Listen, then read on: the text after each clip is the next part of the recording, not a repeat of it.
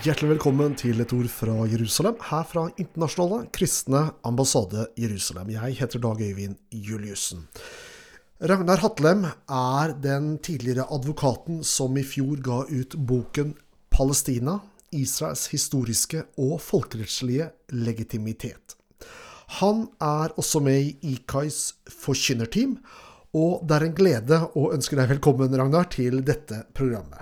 Tusen takk. Eh, aller først, Ragnar, ved siden av å være forfatter og også tidligere advokat, hvor bor du, og hva har du vært engasjert i gjennom årene?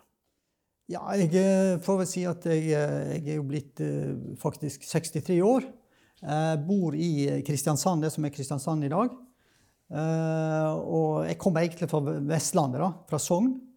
Jeg har jobba mm, som i politiet i veldig mange år, som politisjef. Og har jo en erfaringsbakgrunn der på 16 år bak meg. Og etter det så har jeg jobba som advokat i, i ca. 17-18 år, tenker jeg. Jeg har også jobba på forskningsavdelingen ved Politihøgskolen. Og jobbet en del som noe, noe, en kortere tid på, som amanuensis. Mm.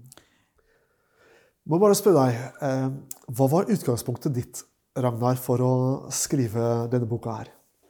Ja, utgangspunktet var jo egentlig bare at jeg ble blir litt trigga av at jeg ikke forsto eh, hele konflikten og den underliggende problematikken.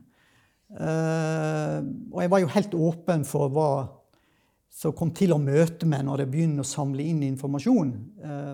For, det, for, det, er du vant med i, fra de Ja. Det, det, er, du kan det, du kan sammenligne med en slags etterforskning i, som vi holdt på med i politiet, selvfølgelig.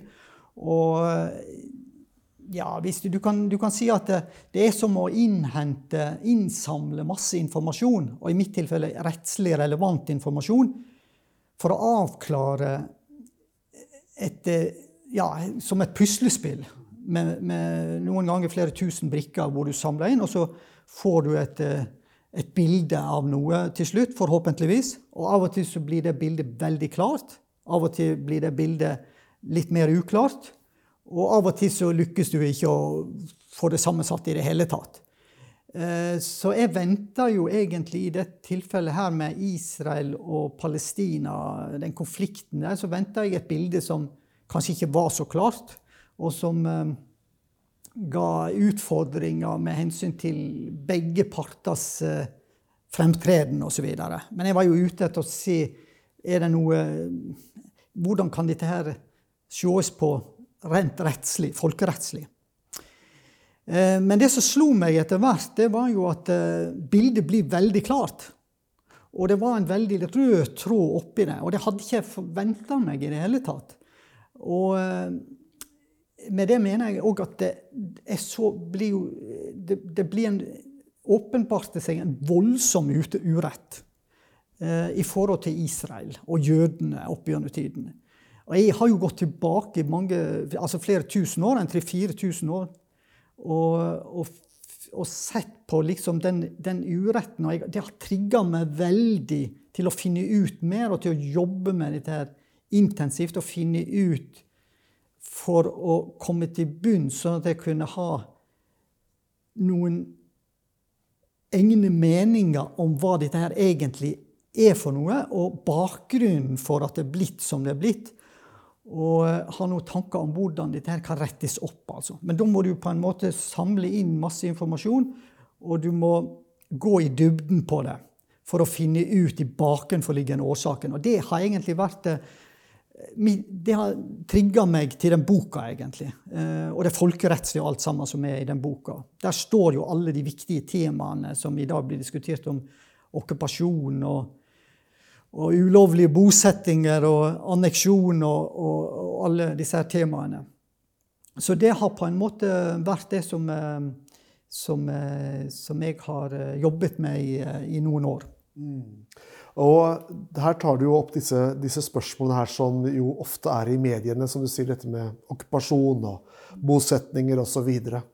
Hvordan synes du mediene behandler dette spørsmålet? det er mangel på kunnskaper først og fremst. Det er, det er mangel på kunnskaper, og hva gjør journalistene når det er mangel på kunnskaper? Da lytter de til hva regjeringen og politikerne sier. Og politikerne, når ikke de har greie på hva de snakker om, eller har så mye kunnskap om det, eh, så lytter de til hva FN sier. Og, og der er det et veldig der, blir, der saken, blir saken veldig skeiv. Fordi at FN er i all hovedsak et politisk organ, og ikke noe folkerettslig organ, slik som jeg eh, ser det. Det er, det er, et organ som avspeiler 193 lands politiske syn på ting. Det er militær slagkraft som betyr noe, og eh, det er ikke jussen eh, som, som, blir det avgjørende. På tross av at man bruker da rettslige begreper ofte. Noe som får folk til å tro at dette her er folkerett, og, og at de ivaretar uh, folkeretten og er helt rettferdige overfor uh, i alle sine resolusjoner. og sånn. Vil du si at FN iblant opptrer i strid med folkeretten når vi kommer til Israel? Ja, absolutt. De, de vidtar ting som er i strid med folkeretten, helt klart. Og da vil jeg jo anbefale folk å lese den boka, for da, der har jeg tatt opp en del av de problematikkene der. Hvor, hvor FN er helt klart i strid med folkeretten. Mm. Hva, tenker, hva, hva, vil du anbefale norske politikere om å gjøre for å få mer grep på, på, på det som skjer der nede? Eller få en bedre oversikt? Ja, det er egentlig ikke noe lettvint måte å gjøre det på. Det eneste de kan gjøre, det er på en måte å prøve å dypdykke i de faktiske omstendighetene, de faktiske kjensgjerningene som vi har, og vi kan slutte oss om alle sammen. Da vil de, sånn som meg, etter hvert eh, kunne danne seg et bilde av det. Og et rettferdig bilde. Men hvis man plukker ut ting og bare tar ting for gitt, uh, og bruker det, så kan bildet bli veldig, veldig galt. Og det er det dessverre som, uh, som skjer i Norge. Man har ikke god nok innsikt.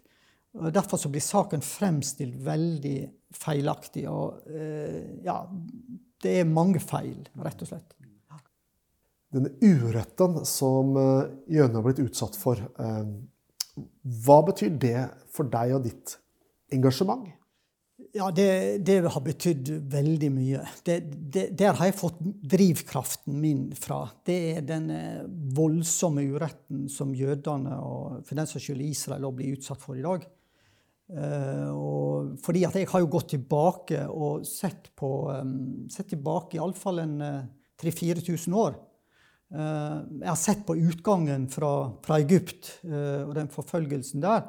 Uh, man kan ta, hvis du skal nevne noe, sant? altså Babylon-oppholdet 586 før Kristus, eh, hvor mange tusen jøder blir tatt med til Babylon. Eh, vi har ikke minst eh, år 70 etter Kristus, hvor eh, det andre tempelet blir, blir ødelagt. Eh, hvor Josefus skriver at 1,1 eh, millioner mennesker blir drept. Altså det all vesentlige jøder. da. Uh, og vi har Bar Kokhba-opprøret eh, fra 132 til 136, hvor ifølge romerske kilder så bare det 580 000 drepte. Og i det alt vesentlige jøder. Og like mange omkom i sult og, og sykdom, sies det. Og så ser man altså faktisk år for år omtrent, tilbake 2000 år og opp til, til i dag, hvordan jøder er massakrert, de er forfølgt. De er mishandla, de er beskyldt for all verdens utrolige ting. Eh, vi har Sions vises protokoll. sant? Eh, og vi har dette folket som samler seg igjen og ber om å få komme tilbake til Palestina. Deres, det landet som de har en sånn sterk tilknytning til eh, i 1897.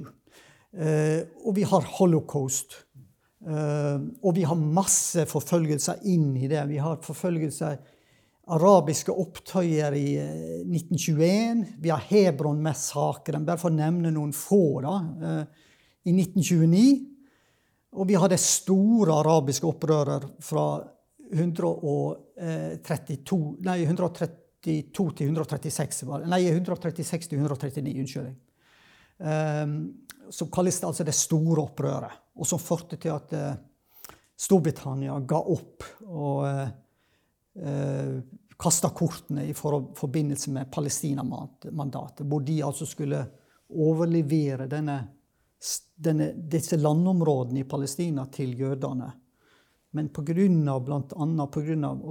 den, den viktigste årsaken til at de ga opp, det var de opprørene under hele, hele eh, arabiske opprørene. Så dette folket er utsatt for en kolossal urett. Eh, og det trigger min rettferdighetssans kolossalt og er drivkraften bak alt jeg har gjort, egentlig, når det gjelder Israel og den boken og alt. Mm. Uh, I norske medier og blant norske kommentatorer, og ikke bare her i Norge, men vi ser det ofte her i Norge, så anklages Israel for å ha tilranet seg landet. Det er ulovlig okkupasjon. Jødiske innbyggere i Judea som har kalles for ulovlige bosettere osv. Eh, hva er din respons til eh, disse påstandene? Nei, det, er, det er igjen mangefulle kunnskaper. Det er jo det, det, Og jeg har jo såpass tro på menneskeheten at jeg tror det at hvis folk uh, klarer å sette seg inn i det og, og, og, se hva som har skjedd, og virkeligheten når det gjelder folkeretten og alt sammen, uh, så vil, vi alle være enige. Uh, så det er egentlig bare mangel på kunnskaper. Fordi at dette her er jo Det blir jo bestemt av, i San Remo-resolusjonen i, i, april 1920. Eh, hvor de fire fremste allierte stormaktene, altså eh, Storbritannia, Italia, Frankrike og Japan, eh, de fikk overlevert skjøte på Palestina. Og eh, det er bare de selvfølgelig som kunne da bestemme seg for hva de skulle gjøre med landet. Og etter prosedyrer fra araberne og etter prosedyrer fra jødene i februar 1919, så bestemte de seg i april 1920 for å gi land, landområdene i Palestina til, til, jødene over hele verden. Ja, vårt program går til en veis ende her, Ragnar Hatlem. Takk for besøket. Og til deg som har lyttet på dette programmet, dersom du ønsker å kjøpe boken 'Palestina Israels historiske og folkerettslige legitimitet, så må du ta kontakt med Hermon Forlag. Du har lyttet til et ord fra Jerusalem, fra Internasjonale kristne ambassade Jerusalem. Jeg heter Dag Øyvind Juliussen, og takker for følget.